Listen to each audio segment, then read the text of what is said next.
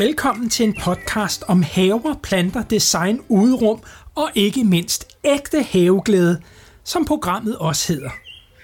Mit navn er Ken Rømer Brun. Jeg er havejournalist, fotograf og designer og har blomsterhaven.dk. I denne podcast ser jeg tager det med rundt i vores dejlige land, hvor jeg besøger forskellige haveglade folk og deres små som store haver. Lytter du med, får du en masse inspiration fra disse skønne mennesker. Og sidst i hver udsendelse får du deres fem allerbedste havetips. I dag er jeg på besøg i Esbjerg i Nordsjælland og er inviteret på besøg i en skøn lille have, der ligger i et gammelt villakvarter med snået veje og slet ingen fortov. Jeg skal ind og se en have, hvor haveejerne ønsker forandring og hjælp til nye idéer. I denne episode får du et indblik i haveejernes tanker, der ligger bag, og forhåbentlig vil du, som jeg, fornemme en stor haveglæde, der er i denne særlige have. Hej, jeg hedder Nis Hartwitt, og velkommen til min have. Min kone og jeg har haft den her have i seks år, og efterhånden fået nogenlunde styr på mange ting. Men alligevel så synes vi, der skal laves noget mere, og vi kan ikke rigtig finde ud af, hvad fanden det skal være. Altså vi har, vi har brug for måske at få, få lidt hjælp og lidt, nogle gode idéer, eller måske en som dig, som har enormt meget erfaring og har set rigtig mange forskellige haver. Øh, et af vores store øh, ønsker er en have, som vi både kan spise af. Det har vi allerede nu en masse ting at sige, men vi har også en, et ønske om en have, som, hvor man kan gå lidt sådan på, på et spændende besøg, hvor man, der er nye ting, der dukker op. Små rum eventuelt, som er afgrænset af forskellige ting og sager. Lad os lige se, hvad haven egentlig består af i dag. Jeg er jo kommet ind langs jeres indgang, jeres haveindgang, og jeg ser et udhus og en garage på min højre side. Og huset herinde på min venstre side. Langs sten bevæger jeg mig nu ned langs siden af en masse bærbuske med solbær, rips og stikkelsbær. Og er det brumbær? Ja, det er brumbær uden torne. Og så har du også hindbær herover Ja, og et øh, kartoffelbed, kan jeg se. yes. Og det er jo et, ikke kun et kartoffelbed. Udover det er der også masser af jord, som står bart lige nu.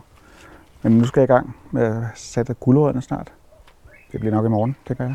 Lyder lækkert. Og så har du, efter bedene med kartofler og de kommende gulerødder, også et par højbede her. Og jeg kan forstå, at dem er I ret begejstret for.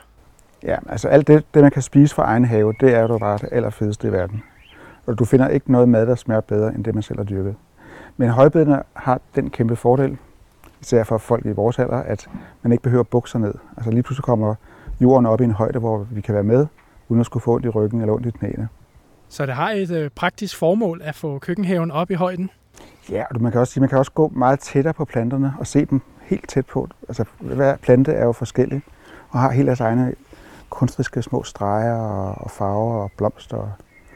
Må jeg spørge om noget? Ja, De salater, vi ser her, de er jo ret store. Ja. Alt det her, der står i disse bede, er meget langt fremme. Har du gjort noget specielt? ja nu tror du nok, det bare har været ude og købe en masse udplantningsplanter, men de her store planter, du ser her, de har faktisk været frø. Men vi har gjort det, at vi har fået fat på nogle små telte, som passer til vores højbede, som så har kunne holde på varmen og på, på fugten, og så ligesom, de har kunnet overvinde selv i netter, hvor der har været frost. Så to dage efter, tre dage efter, vi har sat frøene, så kunne vi se, at det begyndte at spire. Min have den er cirka 600 kvadratmeter stor, og når jeg tænker tilbage, helt tilbage, for hvornår det egentlig, den her interesse startede, så er vi helt tilbage til 4. klasse, hvor jeg cyklede ud til Bispebjerg med min ven Erling. Og der havde vi en skolehave. Det vil sige, at vi kom ud efter skoletid, kunne vi køre ud, og så havde vi et lille stykke jord hver især, og så var der en voksen mand, gartner, som hjalp os med at dyrke alle mulige sjove ting, salater, rabarber og kartofler og sådan noget. Var haveglæden allerede skabt der? Det var den. Og jeg vil sige, jeg har også altid været meget interesseret i naturen som sådan. Udover have, så har jeg altid interesseret mig utrolig meget for alle dyr, hele verdens dyr, fugle, insekter og slanger. Og jeg boede næsten på zo- zo- zoologisk museum, da jeg var lille. Det er altid spændende. Det er det. Næs, øh, vi bevæger os igennem haven nu, og er kommet til et bed, som I er stående her for enden Ja, af gavlen af huset. Ja. Det ligner nogle forskellige stavter og buske. det er det også. Hvad er tanken med det? Jamen, tanken her er jo bare for at få en masse sjove, øh, forskellige farvede blomster op, som vi kan gå og klippe lidt af og tage med ind i stuen, og, når vi sidder derinde, hvis der bliver dårligt vejr. Øh, så synes jeg også bare, altså en af de andre ting, jeg interesserer mig for meget, det er også orkideer indendørs. Jeg synes også, det er enormt sjovt at prøve at finde nogle blomster uden, til udendørsbrug, som minder hen af de her orkideer. Jeg ser nogle blomster, hvor vi igen, som jeg sagde før, når man godt kan komme helt tæt på dem og se dem med sine egne øjne helt tæt på, så det der ligesom en ny kunstrisk verden op i dem. Øh, så det er altså sådan en blomsterbed, det her. En tanke slog mig, mens jeg stod i Nis have. Nis elsker alt i naturen, og særlig opmærksomhed får de små overraskelser, der dukker op hister her i haven. Den del skal med i Nis nye haveplan. Det er altid spændende, når der sker noget nyt, mens du bevæger dig rundt i en have. Det giver begejstring, og prøv bare at høre Nis fortælle om sin sommerfuglebusk.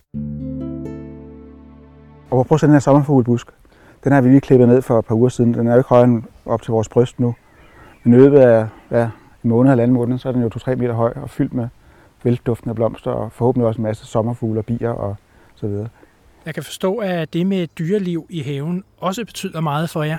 Ja, altså vi, vi er jo en mærkelig verden. De, de fleste mennesker synes, at verden er til for os, men i virkeligheden er, har verden jo eksisteret som den i omkring 6,2 millioner år. Og vi mennesker, vi har været her på jorden i 200.000 år. Det er jo ingenting. Tænk på, hvor lidt lille del af den tid, vi har været der. Og på så få tid har vi virkelig gjort alt, hvad vi kunne for at smadre den fuldstændig. Men stadig er der også nogle åndehuller, som jeg synes, jeg, der kan være i en have, hvor vi ligesom kan komme ind og være meget, meget tæt på naturen. Fordi jeg tror, vi, vi alle mennesker har et meget, meget stærkt bånd til naturen. Jeg kan se, at der er masser af insekter i haven. Der flyver både bier og vilde bier og sommerfugle rundt over det hele i din have. Men der er jo også fugle, og jeg kan se derhen, øh, har du et lille fuglebad, eller er det et vandspejl, eller hvad har du her? Det må vi lige hen og se på. Yes, det er bare et lille fad, tror jeg det er, er det sink. Og så har min kone fundet et lille sjovt øh, springvandsstims, som man er plastik med med solceller.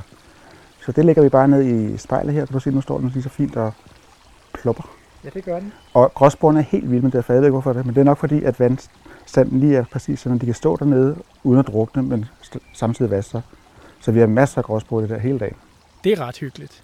Det der med, at den lille pumpe står og laver bevægelse i vandet, det gør vel også, at der ikke kommer så mange alger i? Det tror vi på. Altså stillestående vand, der kommer der hurtigt alger i, men ja. lige snart vandet er i bevægelse, så, så hjælper det godt imod dem. Jeg noterede mig, at Nis og hans hustru er glade for vand. Der følger altid en lille blok med på mine haveture. Den haveplan, jeg skal lave for disse haveejere, kommer derfor til at have et større vandspejl med lav dybde. Det kan jeg mærke bliver et hit hos haveejerne. Men hov, nu er det vist tid til lidt plantefokus. Prøv at se den her. Det er jo en lupin, vi har her i, i stavtebedet. Og hvis man kigger på den, så har den, ja, den har sådan nogle høje stængler. Og op for enden af stænglen har vi, du kan se den første blomst, som er kommet frem. Den kunne jo godt minde lidt om de der orkideer, jeg snakkede om før. Den vi har her er helt lyserød, meget, meget flot. Bladene, der stikker ud, de her har en også ret sjov fasong. Der er sådan 8-10 blade i, i hver skud. Og hvis man alle fræk og måske har været meget ung, så kunne det måske godt minde lidt om sådan nogle hampblade, hasblade. Men jeg tror ikke, man skal ryge dem her. Det skal man nok ikke. Men den dufter også fantastisk. Ja, det dufter bare af natur. Ligesom når man går ud i en skov en varm sommerdag, hvor man er tæt på en masse blomster. Der er jo knald på farven på denne her. Ja. Er, er det sådan et, et tema i haven, at der skal være drøn på de her farver, eller? Nej, jeg synes, der skal være lidt af hvert, men farver er jo altid godt. Der er en masse grønt. Og det må jo godt brydes af nogle forskellige farver. Det kunne måske også, nu når vi skal til at se lidt på designet af, af vores nye have, kunne det måske også være sjovt at, at overveje, om, det, om man skulle lave det i farvetemaer, simpelthen lave små farvetemaer rundt omkring. Bag der øh, har vi et æbletræ, kan jeg se. Ja, og det er et træ, vi har fået gave, og det er det træ, hvor der er podet tre forskellige øh, sorter på. Men, ja, du, du står så og kigger på det nu, kan jeg se. Jeg har dummet mig. I starten, da vi fik det, der, der bøjede det meget ud til siden på hovedstammen. Og der tænkte jeg, så tager jeg lige et stykke snor, så tænkte jeg, ej, stoltråd er nok bedre. Det er altså sådan noget, eller for det er jo faktisk eltråd, elledning. Den har jeg lige viklet omkring træet, og så lader den pløkke ned, og den holdt meget fint på øh, træet. Men du kan se, jeg har glemt, jeg har glemt at fjerne det i tide. Så nu har træet vokset sig ud over den. Den har vokset simpelthen i, i tykkelsen. Så der er kommet et kæmpe sår. Og jeg er bange for, at det her træ ikke er til at redde. Jeg kan se, at det bliver værre og værre.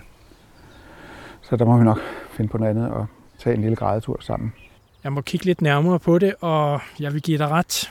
Det er næsten gennemskåret, den her elledning, og den vakler også lidt.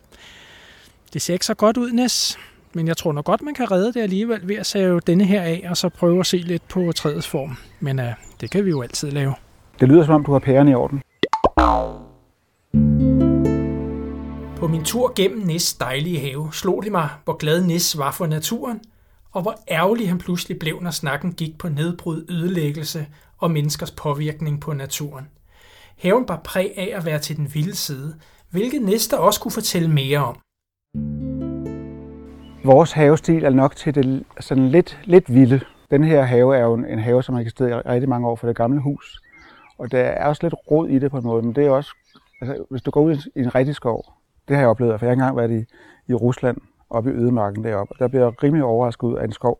Så sådan ud, fordi vores skove herhjemme er jo kun opstillede pakker, hvor træerne står på række, på række, på række, og lige snart der er et træ, der er dårligt, så bliver det fjernet. Derude var det bare så dejligt vildt, at det var virkelig, der stod det ene træ efter det andet, som var vidt forskellige. Hvor skovbunden lå med store stammer, og der var væltet og sådan noget. Og gik hen til de der stammer og kiggede ned og løftede lidt på tingene, så var der jo liv dernede under insekter og så videre. Ikke? Det ser vi ikke herhjemme, desværre. Men man er måske begyndt at opdage, at vi skal passe på insekterne også. Vi skal lade naturen være, som den er. Den kan sagtens finde ud af det selv. Det vil sige, at det er en lidt vild stil i haven, og samtidig med nogle blomster og noget spiseligt, vi er ude i. Ja. Spiselige blomster, har I overvejet det? Ja. Altså Berit, min kone, hun kan også godt lide at lave salater med forskellige spiselige blomster. Vi har ikke så mange, men øh, jeg har set også på nettet, at der fås jo sindssygt mange forskellige flotte blomster, som så også kan spises. Der findes nemlig rigtig mange flotte blomster, man kan dyrke både i haven og også i krukker. Jeg ser, I har rigtig mange krukker stående. Øh, det kan jo også forenes med en ny have og den skitse, vi skal lave. Fortæl lidt om det her store træ, du har stående her. Det der er citrontræ. Prøv lige at se. En så sydeuropæisk træ, der står her midt i Danmark, og som bare sprudler, fyldt med citroner. Prøv duften. Det er jo helt vildt, den her blomsterduft for alle de her citrustræer. Den er fuldstændig vanvittig. Nogle gange har vi om vinteren haft dem inde, og den der duft, man kommer hjem til på en mørk vinterdag og slår døren op, det er jo også, ah, det er helt vildt. Så bliver man så glad. Øh, den anden plante, vi så før, var en lupin, der også har sådan en helt speciel duft. Så duft betyder også noget i jeres have? Ja, men sanser. Vores menneskelige sanser, vores sanser elsker jo at få nogle udfordringer og få nogle behageligheder ind i sig.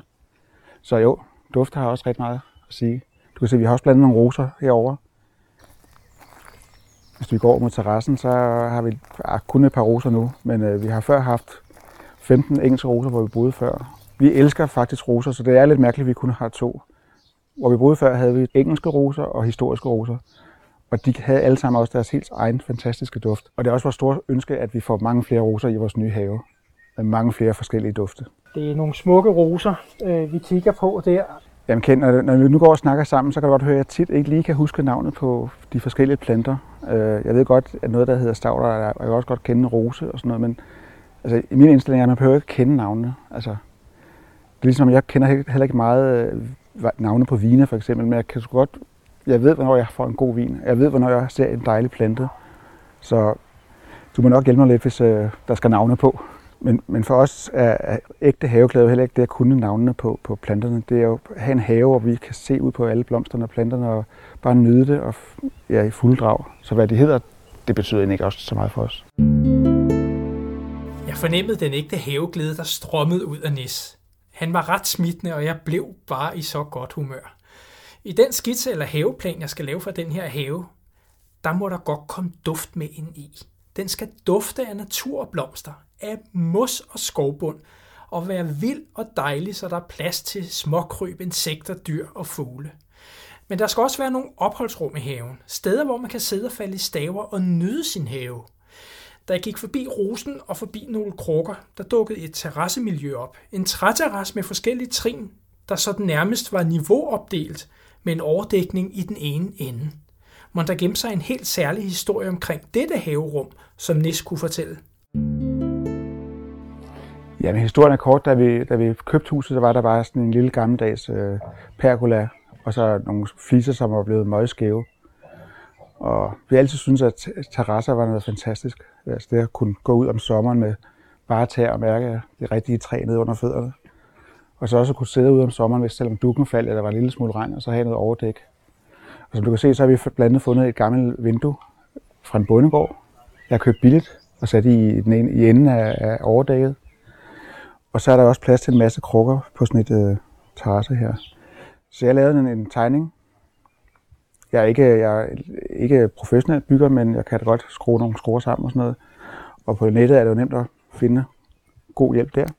Så den har jeg bygget på to år sammen med mine sønner, som har hjulpet mig. Så vi har fået alt, alt det gamle væk, alle fliser væk, og så bygget et skelet op, og så lagt de her sådan, øh, sibiriske lærkebrædder på. Det giver et rigtig dejligt haverum, det her, hvor man kan nyde øh, udsigten til, til jeres fine have. Nis, vi bevæger os rundt i din have og går nu ned fra terrassen og ned på ja, i nogle forskellige niveauer og ned på en ny træterrasse. Og øhm, jeg kan også forstå, at I har nogle ønsker om, at det her også skal kunne udnyttes lidt mere kreativt. Øh, så der dels er plads til nogle flere planter, nogle flere blomster og noget mere duft og lyd og insekter i haven. Og det tror jeg godt, vi på en eller anden måde kan forene. Det med forskellige rum i en have er en god måde at gøre haven mere interessant på. Og mens min notesblok langsomt, men sikkert blev fyldt op, tænkte jeg på, hvad Nis næste haveprojekt egentlig skulle være. Jamen Kent, det er jo et drivhus, jeg, vi har altid ønsket os et drivhus. Et drivhus, hvor vi kunne øh, få lidt flere af de her forskellige planter frem, som kræver lidt mere varme.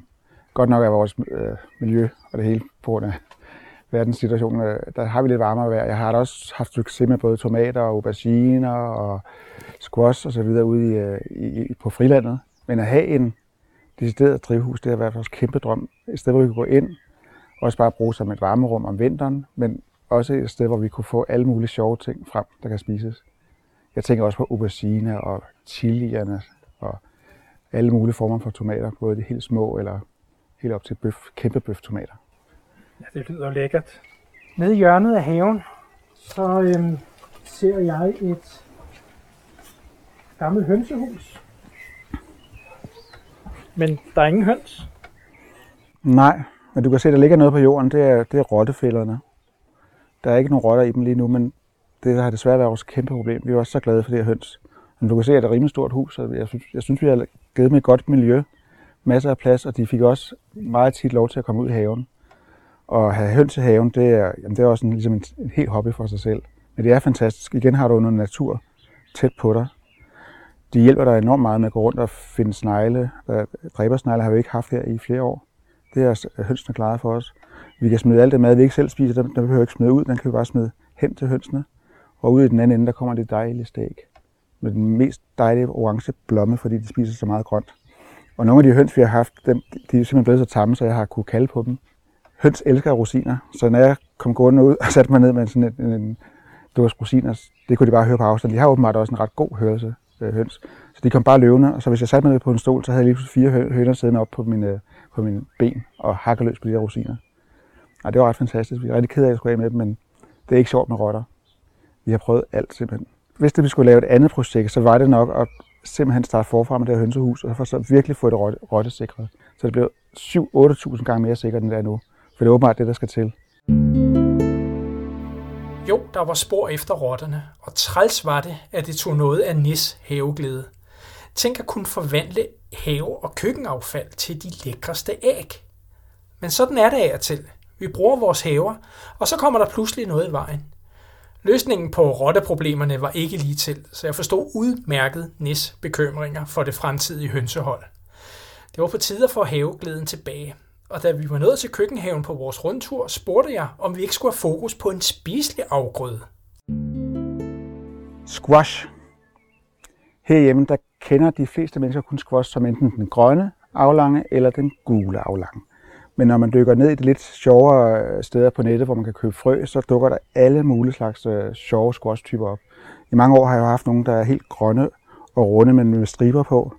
Og i år har jeg fundet italiensk en, jeg kan ikke huske helt præcis, hvad den hedder. Men det, der er helt specielt ved det, det er, det er en klatrende squash, som klatrer opad. Den skal selvfølgelig støttes, men når den så klatrer opad, så sætter den nogle frugter, som kan blive, pas nu lige på, ja. det er rigtigt, hvad jeg siger, op til halvanden meter lange. Og der sker det med de frugter, at alle frøene de samles for neden i sådan en stor boble. Så det vil sige, at hele det skaft, man har af squash over boblen, det er rent squashkød. Man skal så ikke tage det, når det er halvanden meter langt, så er det nok lidt travlet og ikke så spiseligt, men man kan simpelthen tage dem op til en 30-40 cm.